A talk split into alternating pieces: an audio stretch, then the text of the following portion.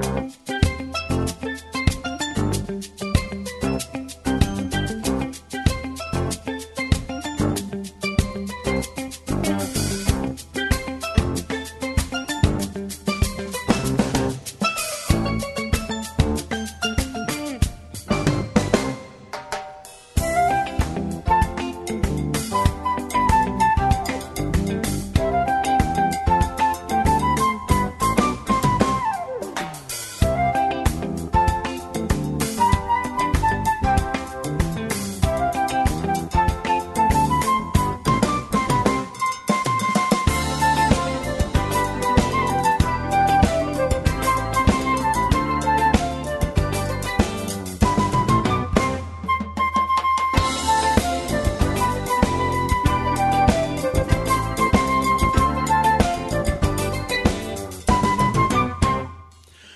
Og så sier vi hjertelig velkommen til sendelsen av Bilselongt.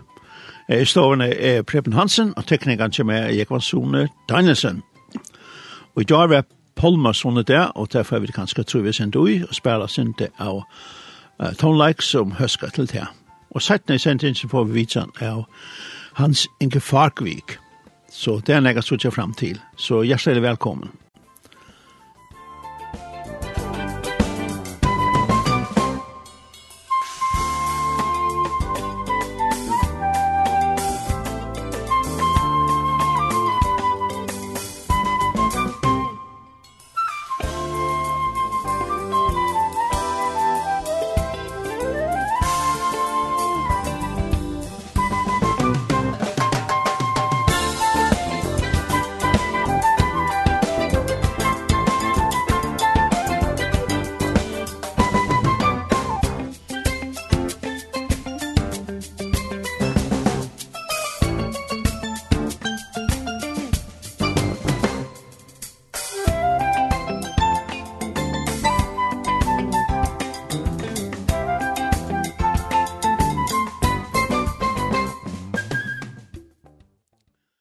Så har vi Finche Vichan her i stovene av Hans Inge Fakevik, så nu forsøker vi på litt skandinavisk.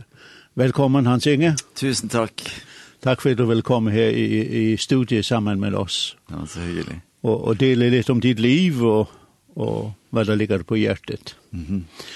Mange kjenner jo navnet her på feriene, Hans Inge Fagervik, fra helt tilbake fra siste halvfjersene og fyrsene, mm. -hmm. uh, var du det kunde med bland annat så hör du uh, Thomas Sang och du hade Marita uh, och filmen Mar Marita blev också producerad. Ja, ja, ja. Men du begynte jo allerede som 20 år gammel.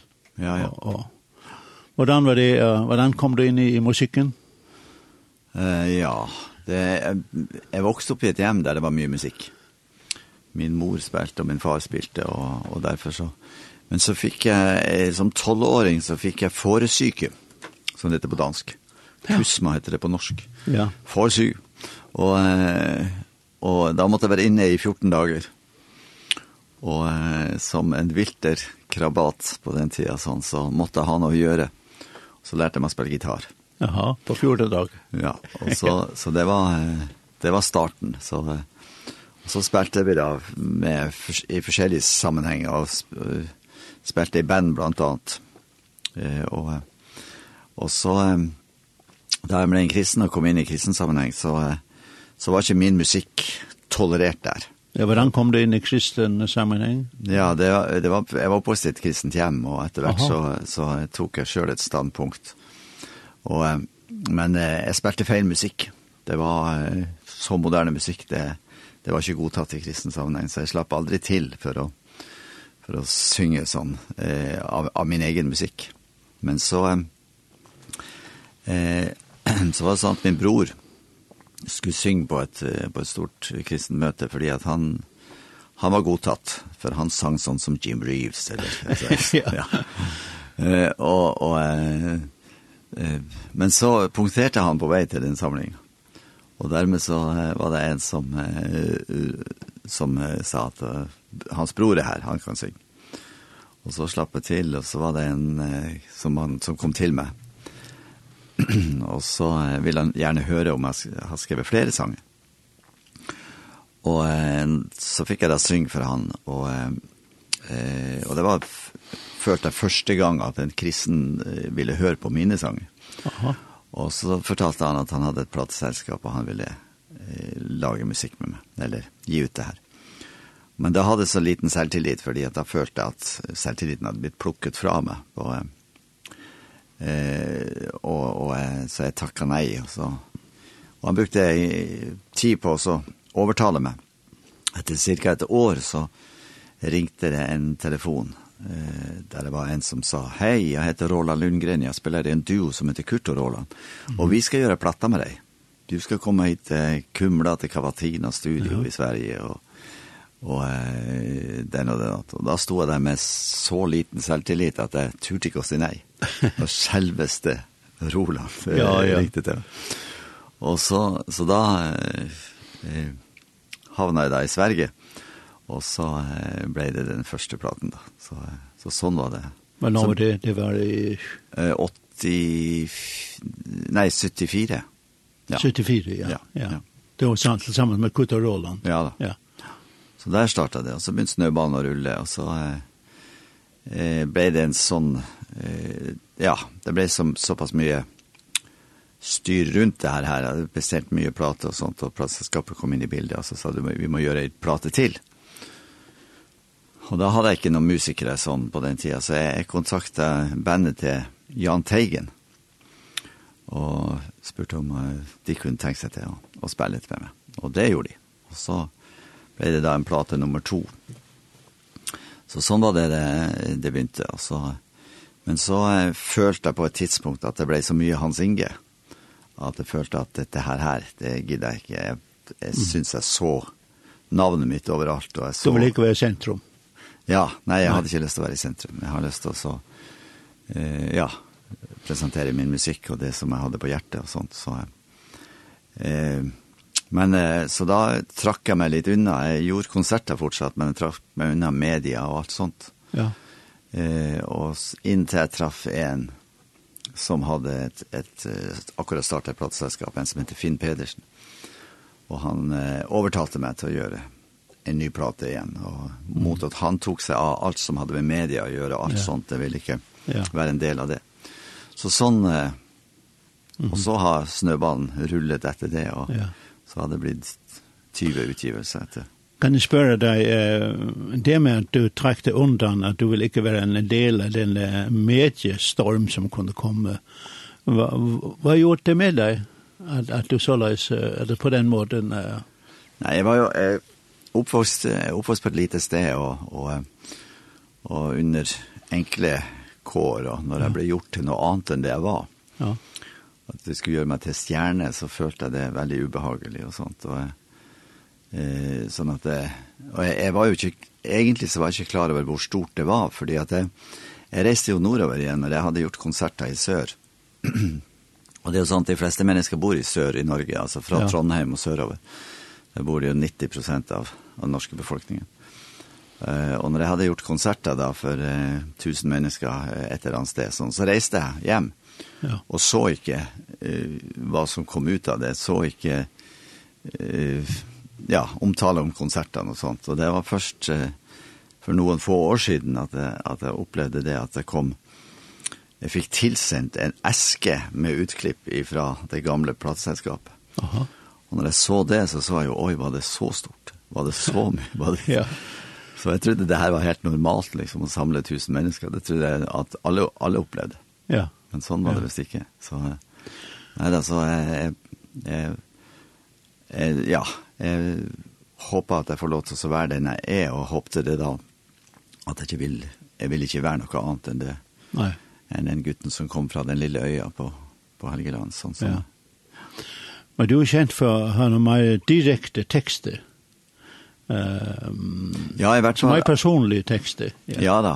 Uh, Og på den tida så var det jo sånn at, at alt skulle være veldig direkte, fordi at jeg, det var måten som samfunnet, som ellers eh, kommuniserte med i samfunnet. Det var liksom eh, Norge ut av NATO, det var USA ut av Vietnam, det var nei til EF, det var nei til, e, nei, det var, nei til atomvåpen, det var liksom ja. eh, helt sånne tydelige budskap som var med, med store bokstaver. Ja Och sånn var det også i kristen sammanhang. Det var liksom Jesus er svaret och, og det, Jesus är den eneste vei, och, ja. og allt det här.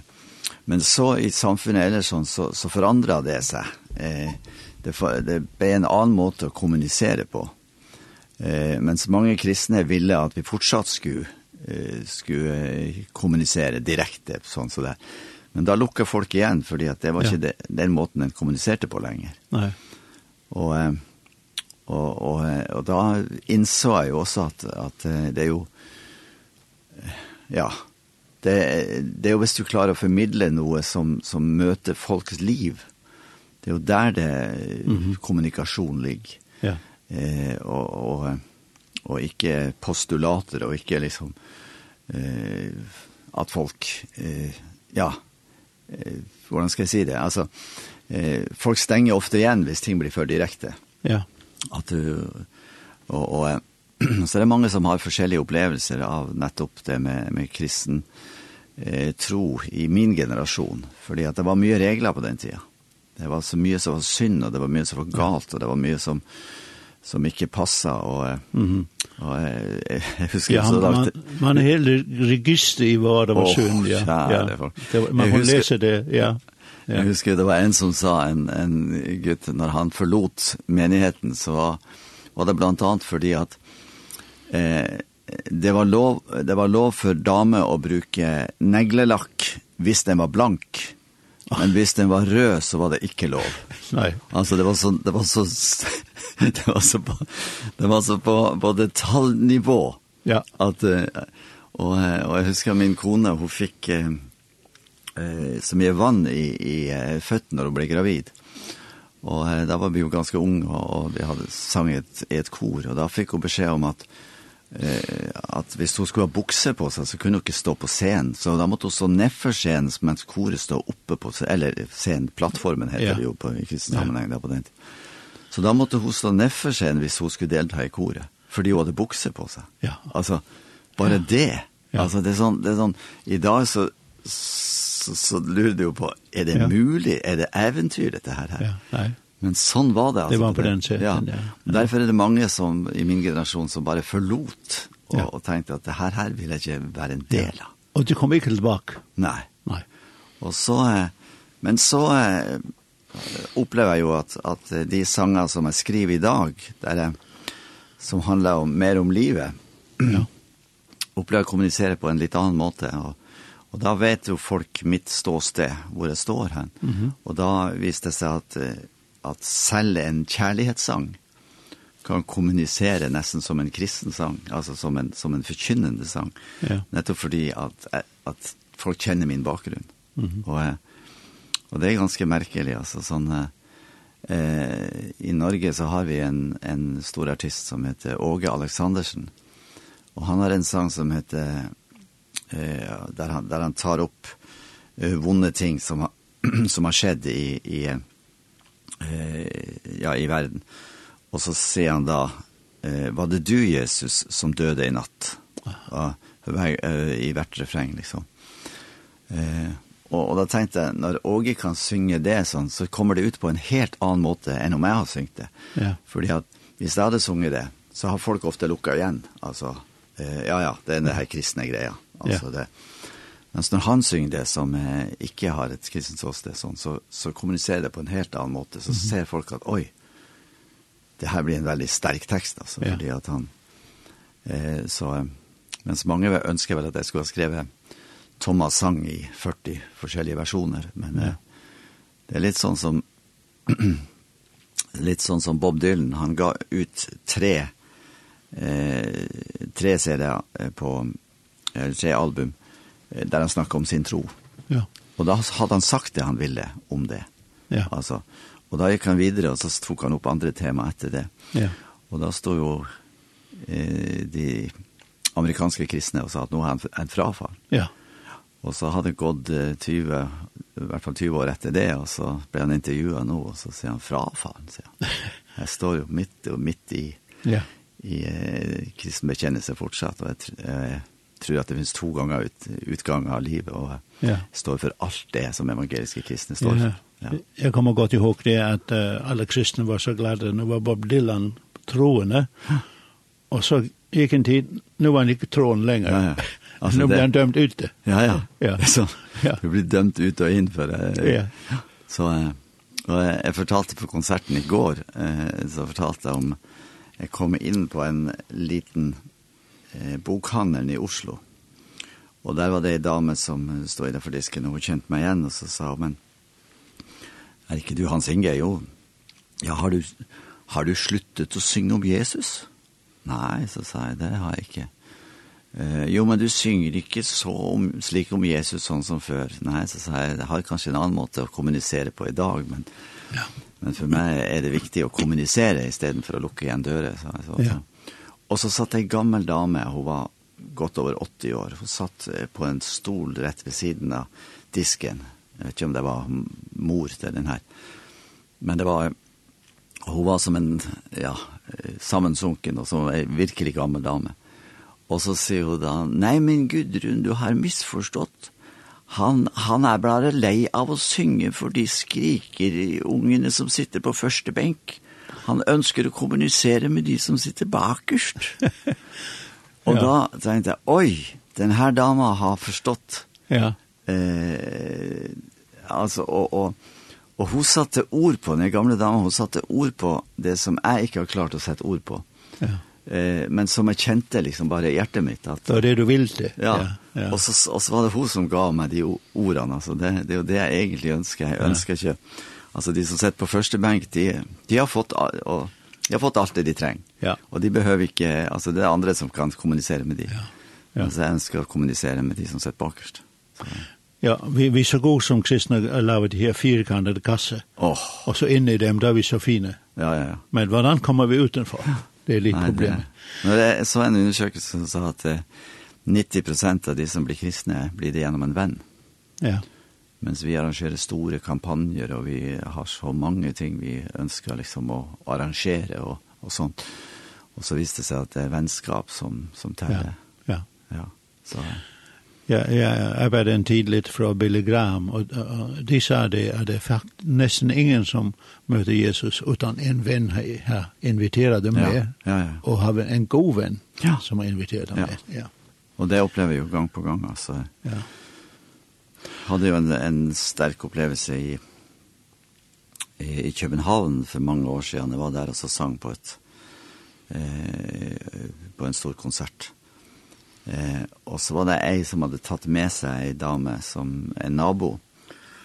Og hun, hun eh, var veldig inne i New Age-sammenheng og og hadde fått store problemer på grunn av de tingene hun har opplevd i den sammenhengen der. Hun har mot så med sovetabletter. i har gjort det i mange år og hadde, ja, hadde sleit psykisk.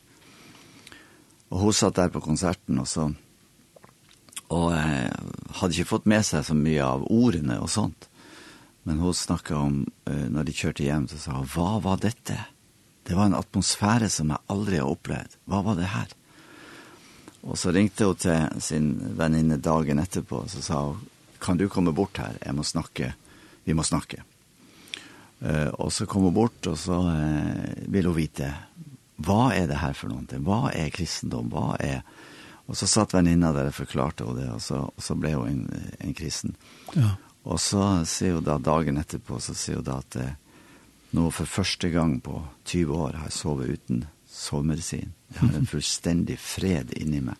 Ja. Hva er det jeg har opplevd? Altså, hun skjønte ikke hva hun opplevde. Ja. Men... Uh, Ja, det var en sånn totalt förvandling och så. Ja. Och eh och det var genom en vän. Ja. Altså, hun... Måste kan vi lytte på Marita nu? Ja, det kan vi. För ehm um, så snacka lite om mer personlig text som du har i i den. Det har du jo många gånger, många gånger. Men uh, måske snacka lite om Marita för det är jo det, det er så stort. Mm. Eh uh, här på ferien, Ja, ja det var nok det som første gang slå igenom. Ja. Uh, og folk ble grepet av teksten der som var så personlig. Mm. Ja. ja. Vi skal lytte på den. Første gang jeg så deg, det var en sommerdag. Der du kom springan virka du så glad. Ditt mørke lange hår, det flagra vilt i vind. Og jeg husker At jeg ønsker du var min. Og slik ble det også Før ei lita stund. Jeg husker at jeg sveva Før jeg hadde gjort et funn. Men du ville leve livet Du ville være fri. Og da sommeren dro Da var du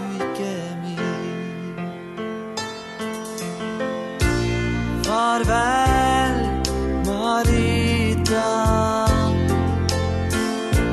Farvel, og takk for det du gav. Vårt opplegg ble det ikke noe av Men takk, takk Marita.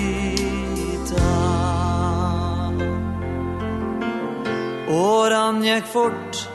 Men jeg glemte aldri deg Og en dag stod du der framfor meg.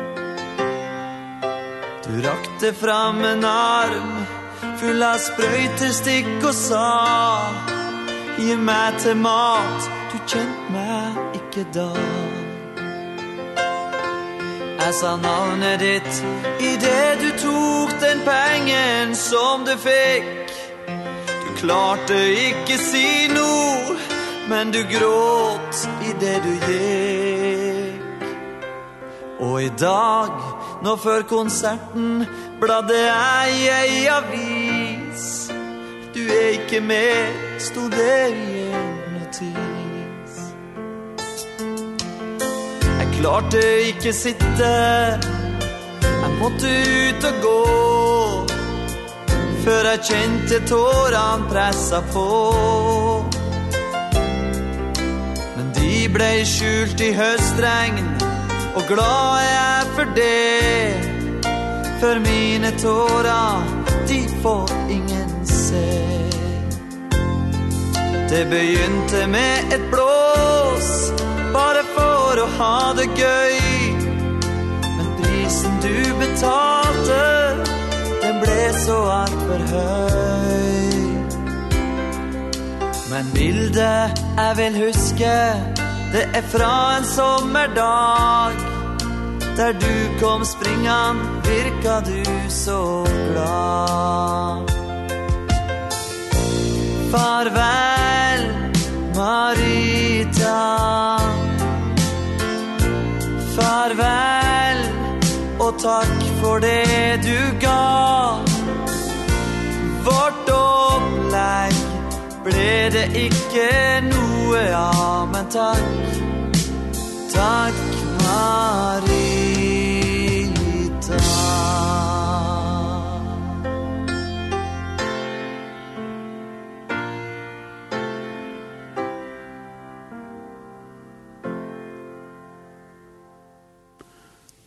Vi har besøk her i studiet av Hans Inge Falkevik, og vi lytter på sangen Margita, som jo også ble spillet meg her på ferien, og som var begynnelsen så meget nytt, men den tekst er jo så personlig. Mm. Du, du kommer selv inn i teksten og, og, og forteller om den her. Vi kan nesten se den der uh, pige for oss. Ja da. Ja, ja da, den, er, den har et eller annet med seg som, Ja, som jeg ikke jeg heller har, har forstått helt, fordi at den kommuniserer på en helt spesiell måte. Og, og eh, siden vi er i en kristen radio og, og snakker om akkurat det, så, eh, så er det jo sånn at vi tror jo at, at det er et tydelig kristent budskap som skal nå frem til folk. Men jeg har jo opplevd, ja, kanskje å få 150 eh, henvende seg fra folk som sier at den sangen der førte til at jeg ble en kristen. Ja. Og så kan man spørre til hvor ligger evangeliet i denne sangen. Ja. Og eh, det er jo, det er jo du, du finner det ikke, men, men den har et eller annet med seg ja. som, eh, som fører folk til Gud eh, på en sånn merkelig måte. Så det er en sånn, ja, en sang som har levd sitt eget liv og ja Men det kom jo mer ut av den uh, sangen, fordi det kom jo også en film. Ja da. Ja. Så Leif Holstad heter en tidligere narkoman i Norge som reiste rundt på skole for å advare mot stoff. Han hadde vært uh, narkoman i mange år og, og uh, ja, var i ferd med å gå til grunne da han, da han ble en kristen og, og kom seg ut av det. Og så begynte han å reise rundt på skole. Etter ti år så ble han så trøtt av å fortelle sin historie at han eh, tenkte at eh, jeg må ha noe mer. Altså, jeg, jeg orker ikke lenger å, å, å, å bare gjøre det. Så fikk han ideen til en film. Så ba han myndigheten om penger. Men så, eh, og så fikk han penger, men det var så lite at det var, eh, det var ikke mulig å få til en film på det. Og så kom han på en av mine konserter, så fikk han høre sangen. Og så sa han, kan jeg få den sangen der og lage filmen rundt det, så kan vi gjøre det så mye rimeligere. Och så gjorde de det och så eh blev det den mest sette filmen i Norge på den tiden. Och så blev den översatt eller inte översatt men den blev textad då till ja, till russisk och till italiensk och till och till islandsk och till många andra Ja. Eh och så begynte tidigare narkomaner i de landene där och så reser runt med med den. Så den eh, har ført til utrolig mye eh, ja, i de landene också, men så och så blev det ju spørsmål, när de började resa runt på skolor i Norge, vad, vad slags organisasjon kommer det fra? Och de hade ju ikke en organisation, det var bara ivrige unga som hade lyst til att förmedla det här eh, viktiga budskapet. Eh, och så var det en, en advokat de tog kontakt med som hjälpte dem. Ja, men filmen heter ju Marita, varför inte kalla det för Marita-stiftelsen? Så gjorde de det och så växte arbetet eh, til et, det er et stort arbeid, både gatearbeid og, og eh, mange andre ting som de, eh, som de bygde opp rundt omkring. Og i dag så besøker de blant annet ti fengsel i, i eh, Norge for å så motivere folk til å søke hjelp når de kommer ut derifra. Ja. Så det, og så har de et, et ungdomsprosjekt også der de, der de har ja, der de eh, får tak i unge som er i ferd med å havne galt ut før det går riktig gærent. Så, så de har et stort og et viktig arbeid. Ja. Dessverre så døde Leif Holstad av kreft ja. for et par år siden. Ja. Og, og så, som følge av det livet han hadde levd med ja. skittende sprøyter som hadde gitt han hepatitt, og som da førte ja. til kreft. Ja. Alltså han det, vi snack vi talar om en historia på på för, förra år. Mm. Faktiskt Marita stiftelsen har fungerat ja. ja. ja, ja. Och har gjort mycket stort uh, virkeområdet. Ja, det har det. Ja. Och, det den de som de som reser i Sibir. Vi besöker ju fängslan där och och har fått uh, varit till hjälp för otroligt många folk alltså i Serbien och Island det sprang ut en väckelse från den filmen där hur många kom till tro. Ja. Så, for problemerne blir ikke mindre. Vi ser jo her i, i dag også på ferien og stofferne. Det har ikke været så mange stoffer som uh, sidste år. Nej. På ferien alle mulige stoffer, LSD og, og, og hårde stoffer ja. og og stadig ved hash også, også men, men mange, mange, mange stoffer som... Ja, da.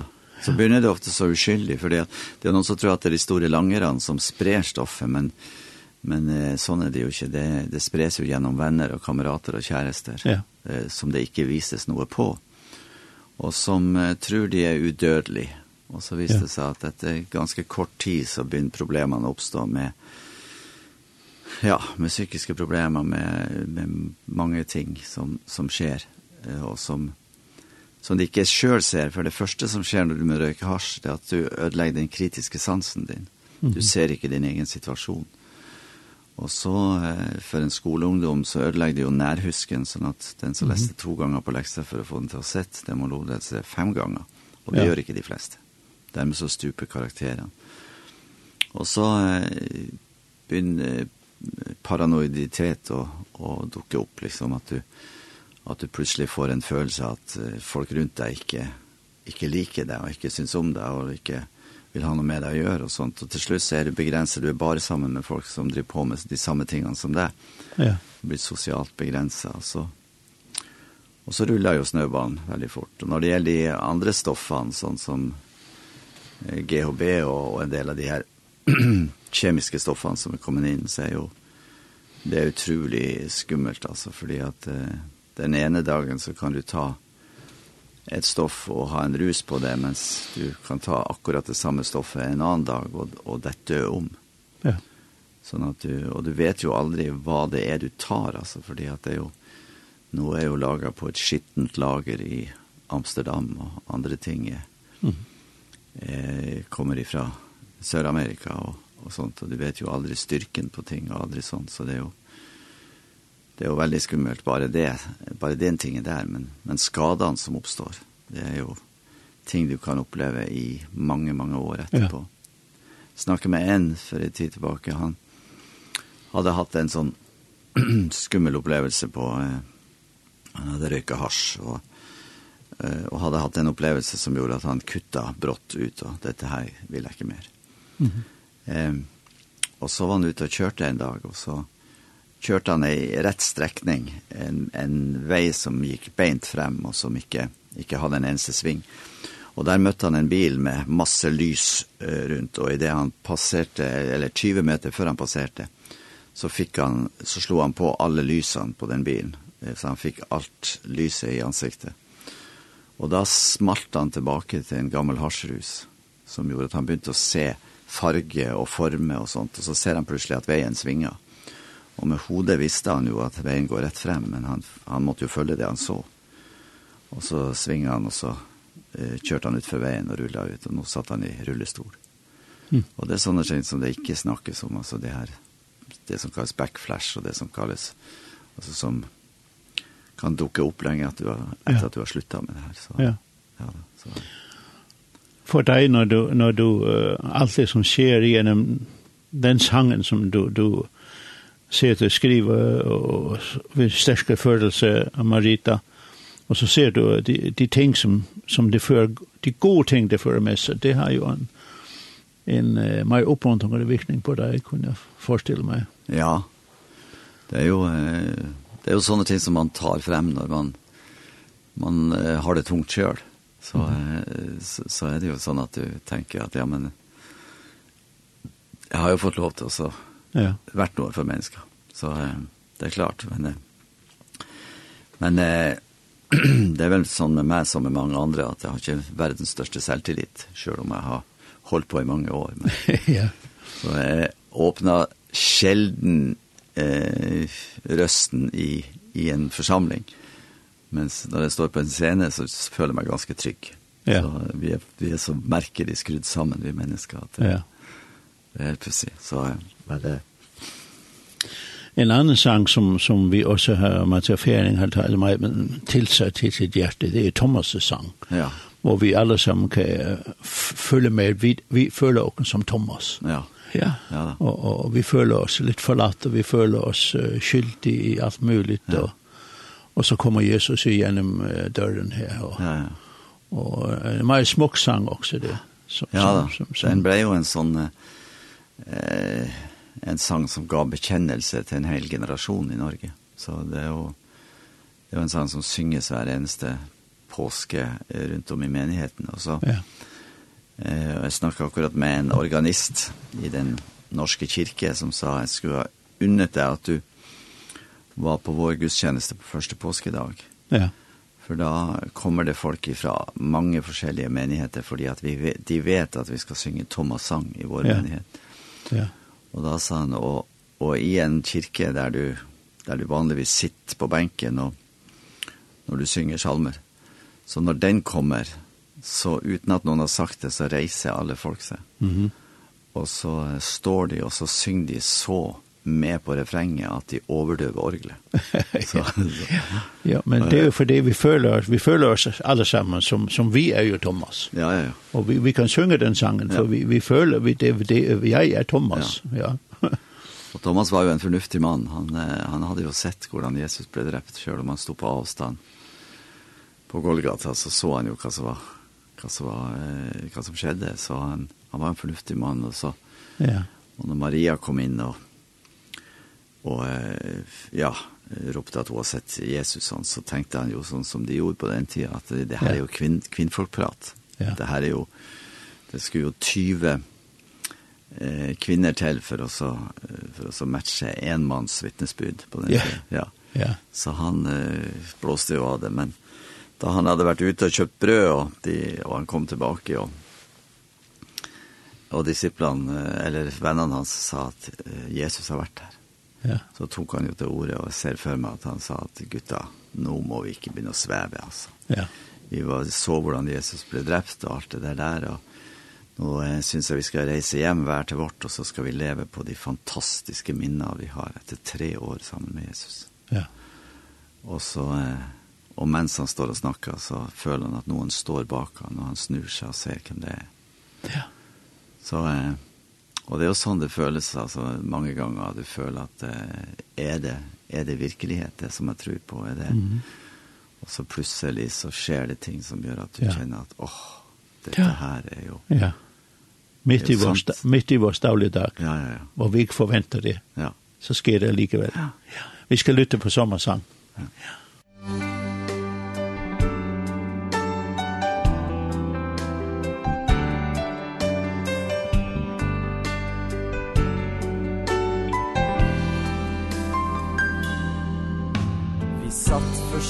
stängde døre Elve män i lag Men vi følte oss så innmari alene Jesus, han var død nå Ga seg uten slag. Ingen sa et ord Vi satt der som forsteina Men da hørte raske fottrinn. Og banking på våre stør. Vi åpna og Maria storma inn og ropte hør! Han lever, han lever, han lever. Jesus er stått opp igjen. Han er ikke lenger i grava Nå har vi møtt frelseren.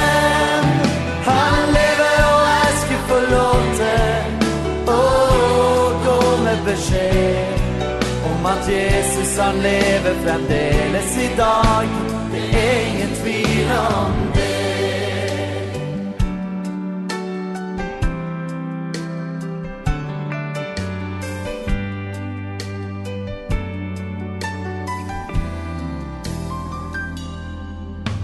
At grava, den var tom.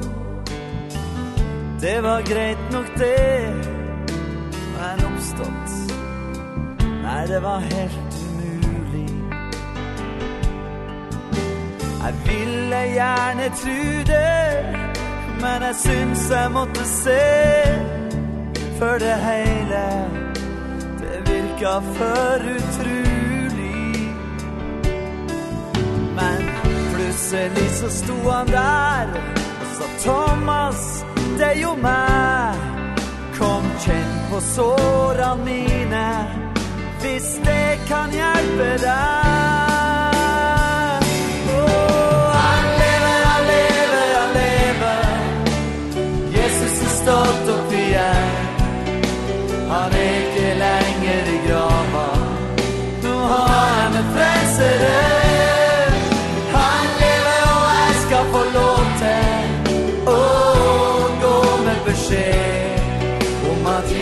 Han lever fremdeles i dag.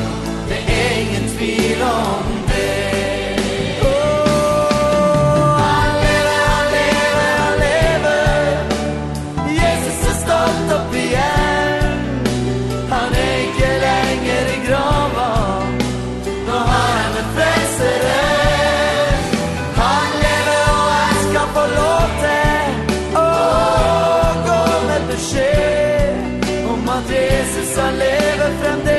i dag Det er ingen tvil om oh, oh, tvil om det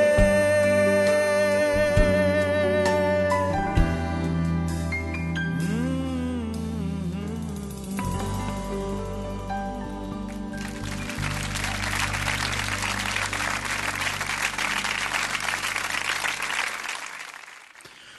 Og her er studie her i Vidjan er Inge Fakevik, Hans Inge Fakevik. Uh, Hans Inge, um, mer enn en, uh, musikken uh, spiller for oss, så spurte jeg deg litt om opprinnelsen til den sangen der. Og så fortalte meg okkur, oss okkur uh, noe ut. Jeg hadde lyst til å fortelle det også her til lytteren. Ja, jeg, jeg hadde en fjerdedelstilling i menighet, og eh och upplevde att det kom en troskris. Det skedde en massa runt mig och och sånt av positiva ting och sånt men själv så började jag och eh ja, fick problem med troen och och det som kallas för anfäktelser i i gamla dagar. Ja. Eh så jag tänkte jag kan inte stå i den här jobben här så jag var på väg för att leverera min uppsigelse till formann i menighetsrådet. Eh Men på vei dit så gikk jeg forbi kirka, og der uh, gikk jeg innom. Og så stod pianoet der, og så satte jeg meg ned og tok ut noen ting av min fortvilelse, og sånn som jeg ofte gjør på, på piano og, på, uh, og i sang. Og mens jeg sitter her, så ser jeg opp i den oppslåtte Bibelen som ligger oppe på pianoet, og der stod, sangen, nei, der stod historien om Thomas. Og så følte jeg plutselig at dette var min situasjon, og så føltes det som om Jesus satt ved siden av meg på på eh, pianokrakken. Og jeg sang bare det jeg følte akkurat da. Og det jeg ikke visste, det var at det var vært noen unge eh, som var kommet inn i kirka. Eh, og de eh, satt på bakerste benk da og fikk med seg det som skjedde. Eh, og en av de følte det her så spesielt at han skrev ned det som jeg sang. Og så eh, kom han til meg to-tre dager etterpå, og så sa han, det her var det du sang i kirka, for vi var innom der. Eh, och så såg jag ju att detta här är ju en sång. Mm. Och med sån små någon små justeringar sån så blev det till Thomas sång då. Och eh, men det var det var en sån stark upplevelse för, för mig. Eh att eh, jag klarte inte synge den. Eh fordi at gråten tok meg for hver gang jeg skulle synge den, så eh, det gikk vel et halvt år før jeg sang den første gangen, og det var på en stor samling i Kristiansand i, i en fotballhall der. Og eh, etter det, så, når jeg hadde sunget sånn, så var jeg så følelsesmessig rystet at jeg gikk rett ifra scenen og ut i en regnfull kveld. Og, og gikk i et par timer før jeg klarte å liksom mm. finne meg selv igjen. Altså, ja. Roe meg ned. Ja. ja. Så det var, det var bakgrunnen for den sangen. Ja. Som Marita sang, sier også, jeg må ut, sier den også. Mm. Marita sang, jeg må ut, jeg kan ikke være her mer, ja. Ja, ja. Ja da. Uh, du har tatt med deg en, en, en, en CD här som, som uh, det er för barn också, barnarbete som du arbetar med. Ja da, jeg har skrevet en del for barn også, så jeg, eh, både, både eh, med, med forkynnende innhold og også sånn for skolen og, og sånt som der vi, der vi er, der vi bor. Og så eh, fikk da min kone spørsmål for noen år siden om, så over, om å overta et barnekor som bestod av 20 jenter. Eh, men jeg var ut, mye ute og reiste, så hun måtte ha de tre guttene våre med, visst at, og eh, hun kunne ikke ha barnevakt for hver gang, så hun sa først nei til det.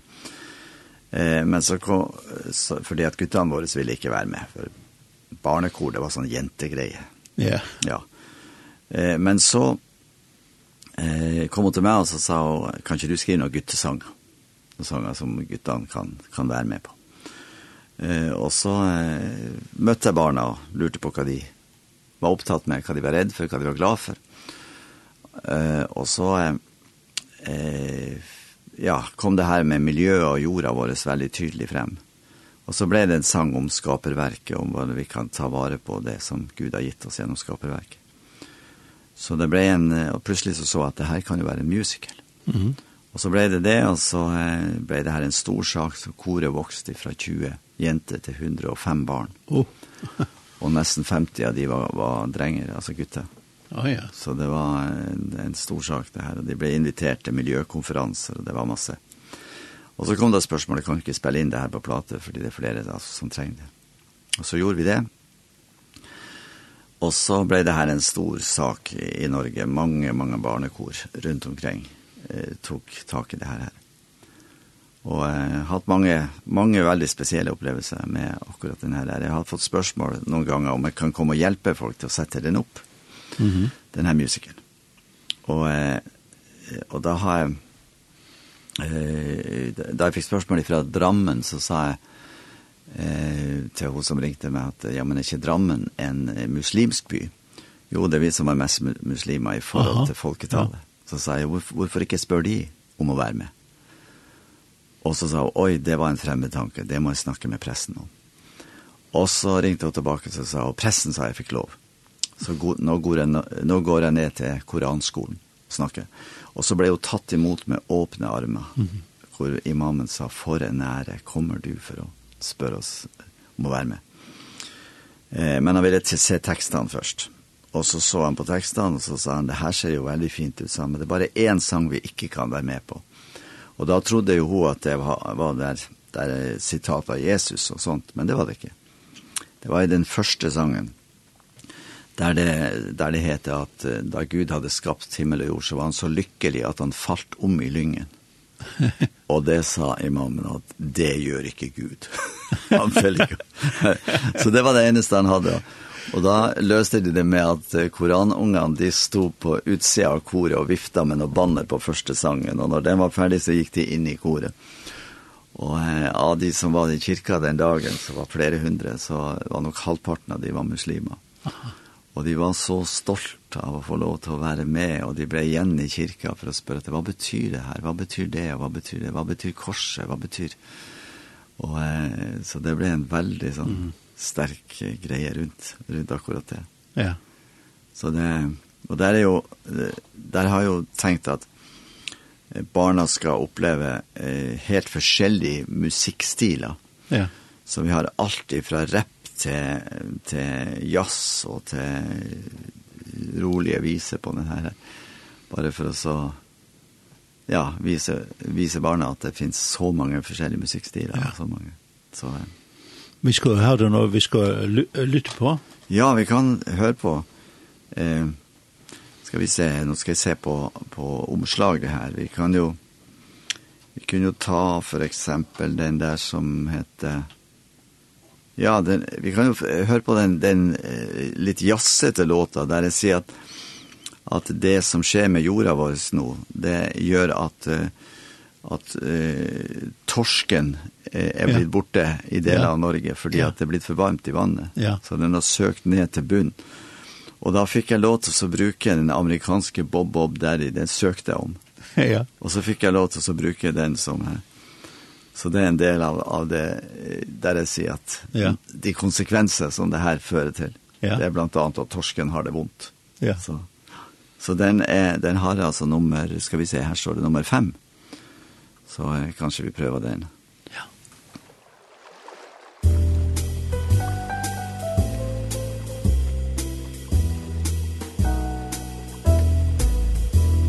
En trivelig fisk som ett torskeflem Bodde på maregrunnen. Men det ble for varmt Så nå har han Flykta ned mot bunnen. Men der er mørkt Og skummelt så Han trives ikke der. Han lengter hjem Til grunnen sin Og til bedre vær.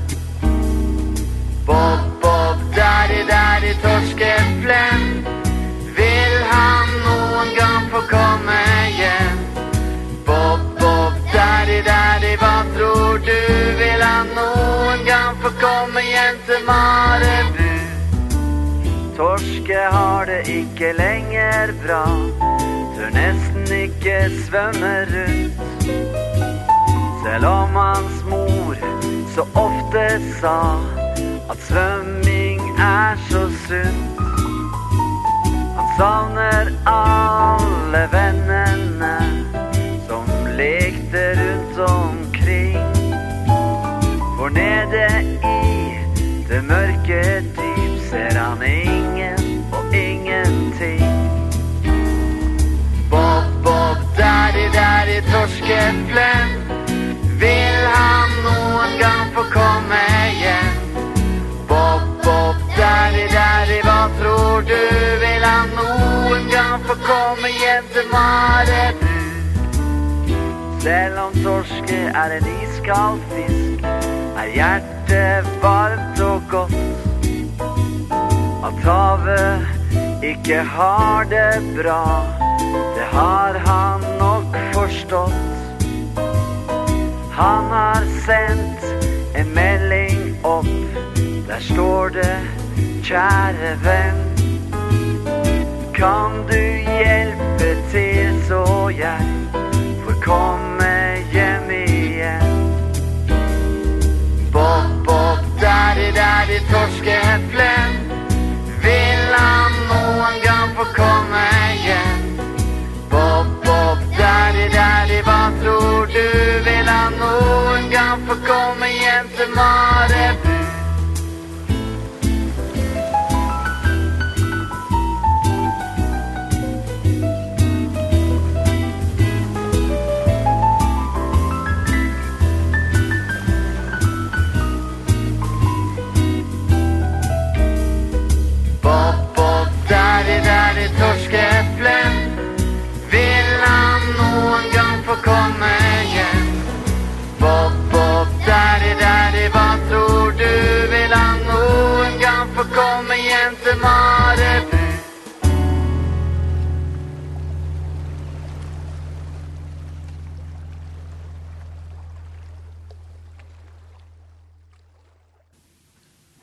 det var så litt for bønene også.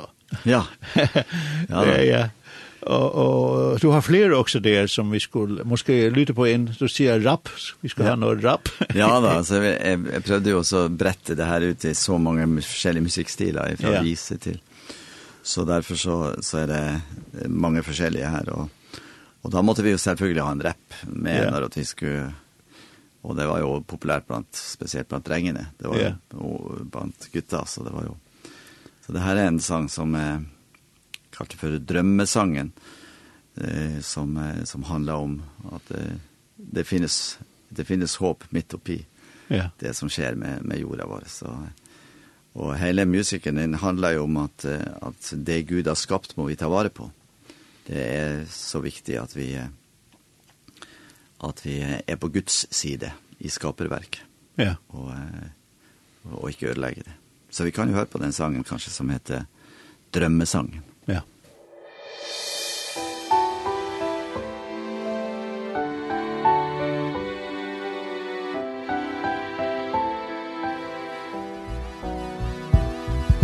For lenge, lenge, lenge siden I gamle dager er det som de gamle sier Før i tida, da verden går fri For bilen starta med å spy ut CO2 og bli. Da var det alt hvor herre sa dere kan overta Men gjør det bra Og alle sammen ropte høyt tyrannen Skulle vi jo selv bestemme Vi skulle temme Livet og naturen både utenfor og hjemme Men den blå planeten her vi bor Vi kaller moder jord.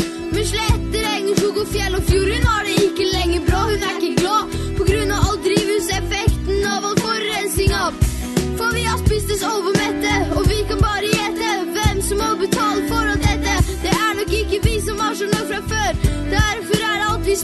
vi gjøre noe med det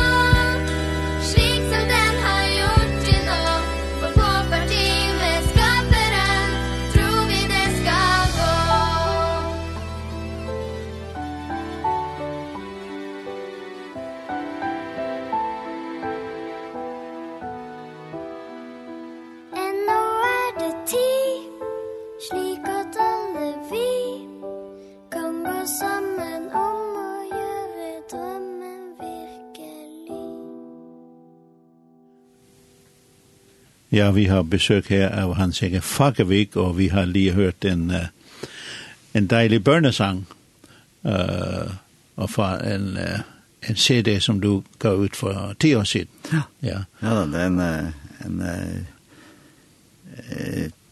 ja, en, en musical om miljøet, om skapet ja. verk. Ja. Så. Og den er oversat, om, om, oversatt til flere språk. Ja da. Ja. Den er oversatt og gitt ut faktisk i Argentina på som eh, på spansk. Jaha. Och skal oversettes da til flera flera språk da, portugisisk og, och eh, det var någon som sa nu att han att uh, var någon i Ungarn som hade lust också.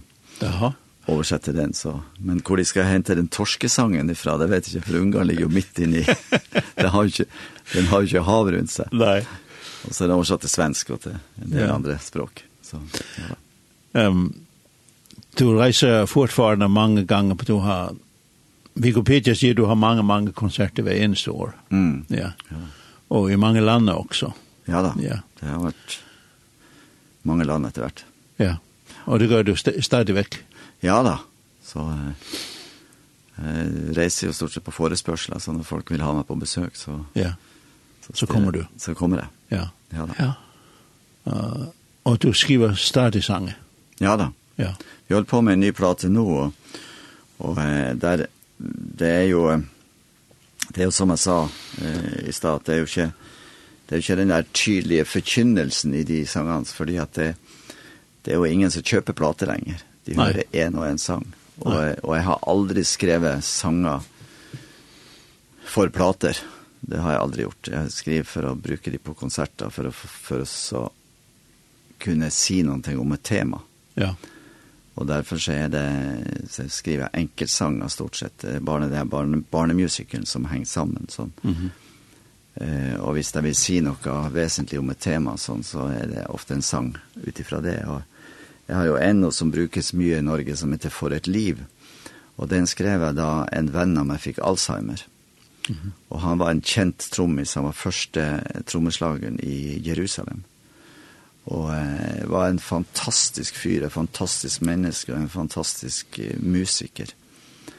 Så da hans kone ringte og så sa at han hadde fått Alzheimer i en alder av 50 år, så traff det meg kolossalt. Og, og da ble det en sang omkring tema, men ikke en sang som sier direkte det her med, med Alzheimer, men som ble en sånn takknemlighetssang. Mm. Eh, fordi at vi har fått lov til å være glad i noen, og fordi at vi har hatt noen som er glad i oss. Eh, og eh, da heter det, da beskriver jeg liksom de første verset som beskriver det livet vi har hatt i lag. Og så kommer da refrenget, så heter det at Men om minnene skulle bli borte, om ordene skulle forsvinne, om alt det som vi hadde, skulle bli visket fra mitt sinn. Da må du huske for oss begge, alt det fine vi har hatt, sånn at mitt lys får lov å brenne, og min dag skulle bli til natt. Ja. Og den brukes mye i, i sammenhengen da, i eh, i demenssammenheng i Norge nu eh, för att så sätta ord på akkurat det. Och vi lever så kort och vi har så mm -hmm. livet är så kort att vi måste ta vare på ögonblicket, vi måste ta vare på de, de få timene vi har att leva. Ja. Och då eh, önskar jag si någonting om det och, og mm. sånt. Så är det andra tema som är som jeg da tar upp. Jag har en, en sång som blev lista här på en, en radio på på færøyene. En sang som heter Stormfugelsang. Mm. Og da ønsker jeg å si noe til de som står i stormen. Ja. Ja. ja. Og det og den tar altså utgangspunkt i stormfugler og, og det er jo ikke så mange som vet hva stormfugler er, men, men det er altså 40 forskjellige slag. Og det er stormsvale, og det er det som heter det på norsk stormfale, og det er eh, ja, lundefugel, og det er albatross, og det er mange forskjellige sånn, som ligger ute i havet hele livet og rir av den ene storm etter den andre. Ja. Og så kan man spørre etter, hvordan klarer de det? Ja. Altså, hvordan skal... Og det blir det da, et, i den sangen blir det et bilde på oss mennesker, som noen klarer å ri av storm etter storm, mens andre blir blåst over ende av en, en liten bris. Ja. Og det viser at vi er forskjellige vi mennesker, og derfor må vi behandle hverandre med respekt. Og vi må vite at vi ikke alle tåler alt. Og så da sier jeg litt om det i, den, i, i forbindelse med det, sånn at det, jeg har forskjellige tema som jeg tar opp ja. på konsertene mine, og, og sangene blir til utifra det. Ja. ja da, så. en, en særlig sang, det er også en sang om Må Therese. Ja. ja. Jeg har alltid hatt lyst til å skrive en sang om henne, Eh, hon kom ju till Norge och fick eh, eh, fredsprisen. Och eh, då det var en väldigt speciell eh, grej alltså för att hon var ju väldigt kritisk till eh, ja, det var vällevnet i, i västern och, och sa mycket om det men det var ingen journalister som skrev något negativt om henne selv om hun kjeftet oss ut på mange måter, altså hun ga oss en skikkelig overhaling. Og når hun da ba om å, å i stedet for den store eh, Nobelmiddagen med 300 gjester, så sa hun, kan vi ikke avlyse den, og så får jeg hele pengene. Mm -hmm. Så kan jeg lage et måltid for de fattigste. Ja. Og i stedet for at 300 nordmenn fikk, eh, eh, fete nordmenn fikk spise mett enda en gang, så arrangerte hun et måltid, så jeg tror det var 6.000 mennesker som fikk eh, mat den dagen på grunn av de, mm -hmm. de pengene der. Ja. Så, eh, og så har jeg alltid lyst til å skrive en sang om, men jeg følte at hun var, så, hun var på en måte så heldig at jeg torde ikke å... Nei. Men så var det en kunstner som ble spurt etter eh, i Dagbladet i Norge. Eh, hvem har du lyst til å møte hvis du skulle møte hvem som helst i, i denne verden? Hvem har du lyst til å tilbringe tid sammen med? Og da svarte han mor Teresa.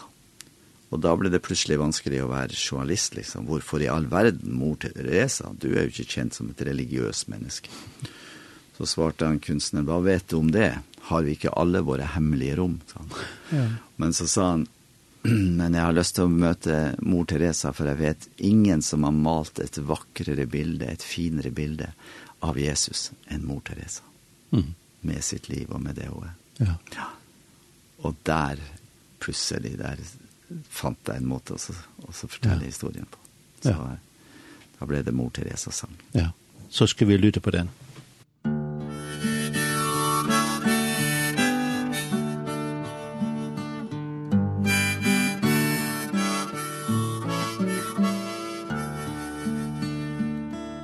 Hun maler et bilde av han som hun elsker.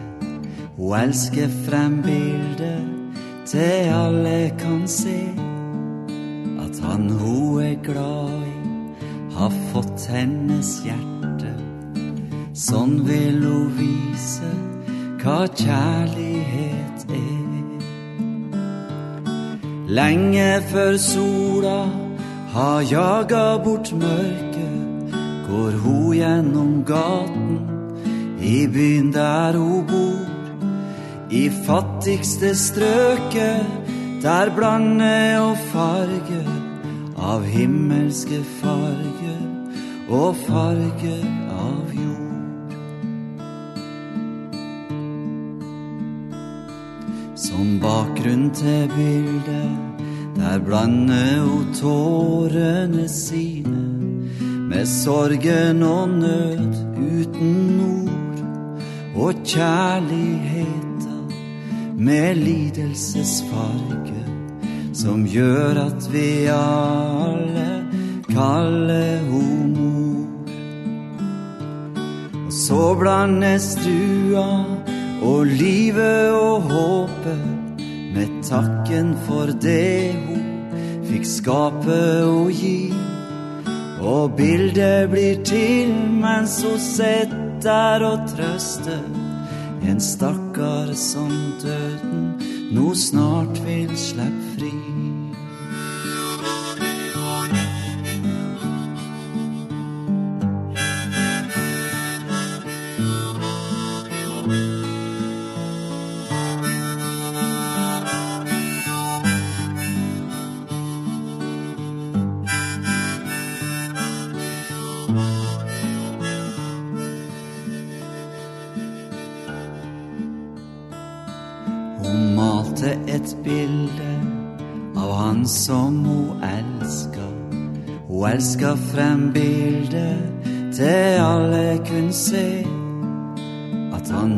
var glad i Har fått hennes hjerte Sånn ville hun vise Hva kjærlighet er. Når hun nå er ferdig Og maler sitt bilde Har pakka i sammen Og er gått til ro Da veit jeg at mange kan se gjennom tårer. Vingene malt han så vakkert som hon.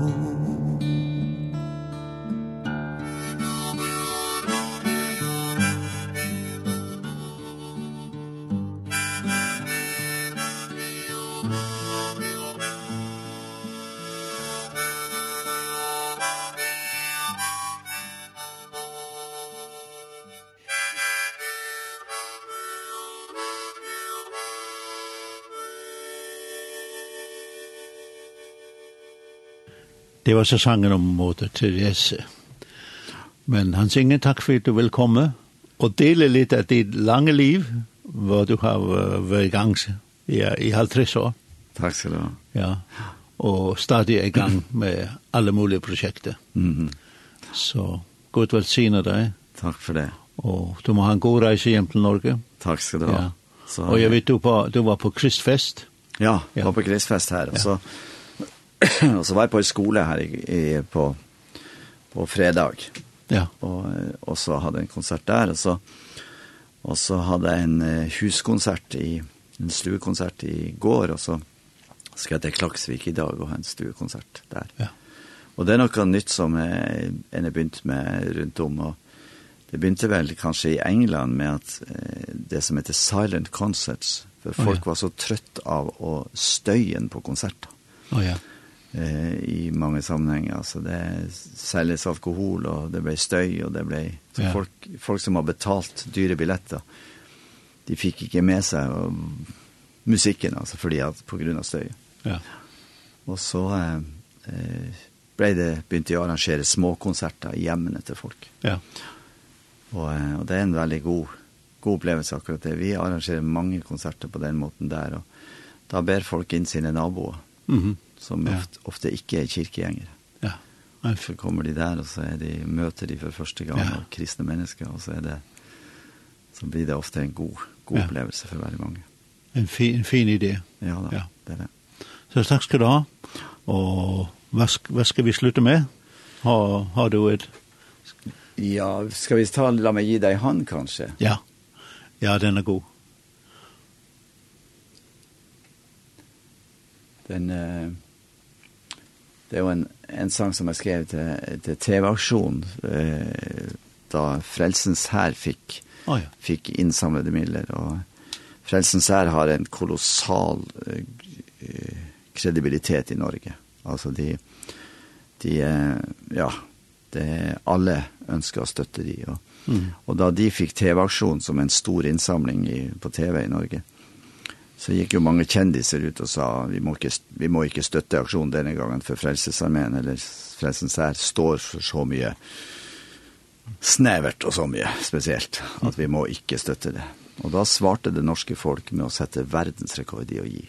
ja. Ja, de fick alltså in eh, så många miljoner att det var det aldrig hade gjort sånn. Och så eh, TV-aksjonssangen da, det var da den sangen som heter La meg gi deg hånd ja. når du strever.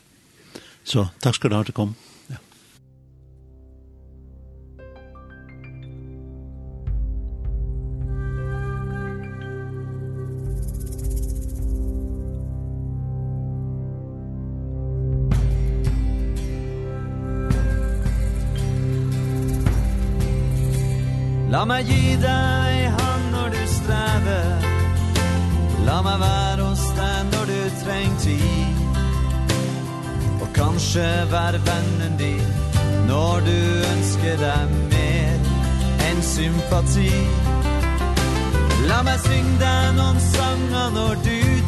lite trøst. Og la meg holde rundt deg da. La meg be deg bønder i morgen. Med håp om en lysere dag. Vi legger planer for dager og år. Og håper at alt skal gå bra. Men det er sjelden at første pris går tid som vi vil at den skal. Allikevel skal vi helst lykkes i alt. Det er det minste vi krever. Er det så rart du er sliten og før At du snart glemmer å le? La meg gi deg hand når du strever. La meg være hos deg når du treng tid. Og kanskje være vennen din Når du ønsker deg mer. En sympati. La meg synge deg noen sanger Når du trengte trøst Og la meg holde rundt deg da La meg be deg bønn i morgen Med håp om en lysere dag.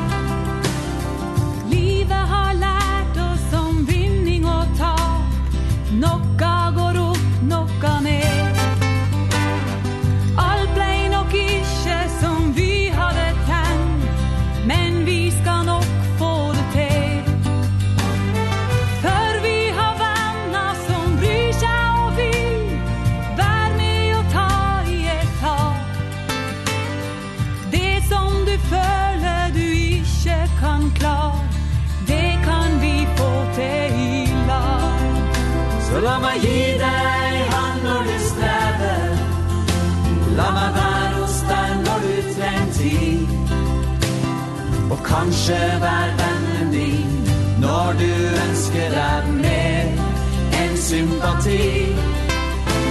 La meg synge deg noen sanger når du trengte trøst Og la meg holde rundt deg da La meg be deg ei bønn før i morgen Med håp om en lysere dag. La meg gi deg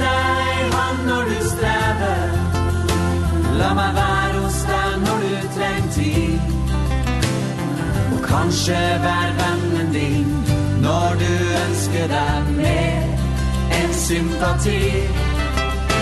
La meg synge noen sanger Hvor du trengte trøst Og la meg holde rundt deg da La meg be deg i bønn for i morgen Med håp om en lysere dag. La meg gi deg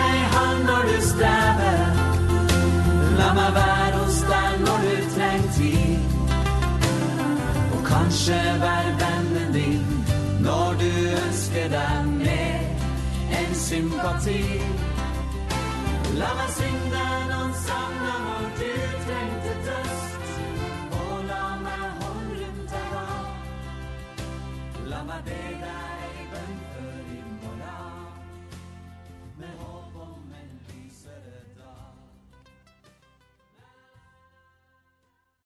Og ved hese sangen så sier vi at uh, vi er ferdig her for i morgen, og vi tar lust etter hans enge Fagervik og sinte om Polmes sånne der. Så vi vana det at du har haft en, en god fyra pars, vi har lust her etter okkon her og jeg bilser langt. Og det er, er Preben Hansen og Jekvann Sone Danielsen som har kjipa fyr, så vi sier takk for okkon.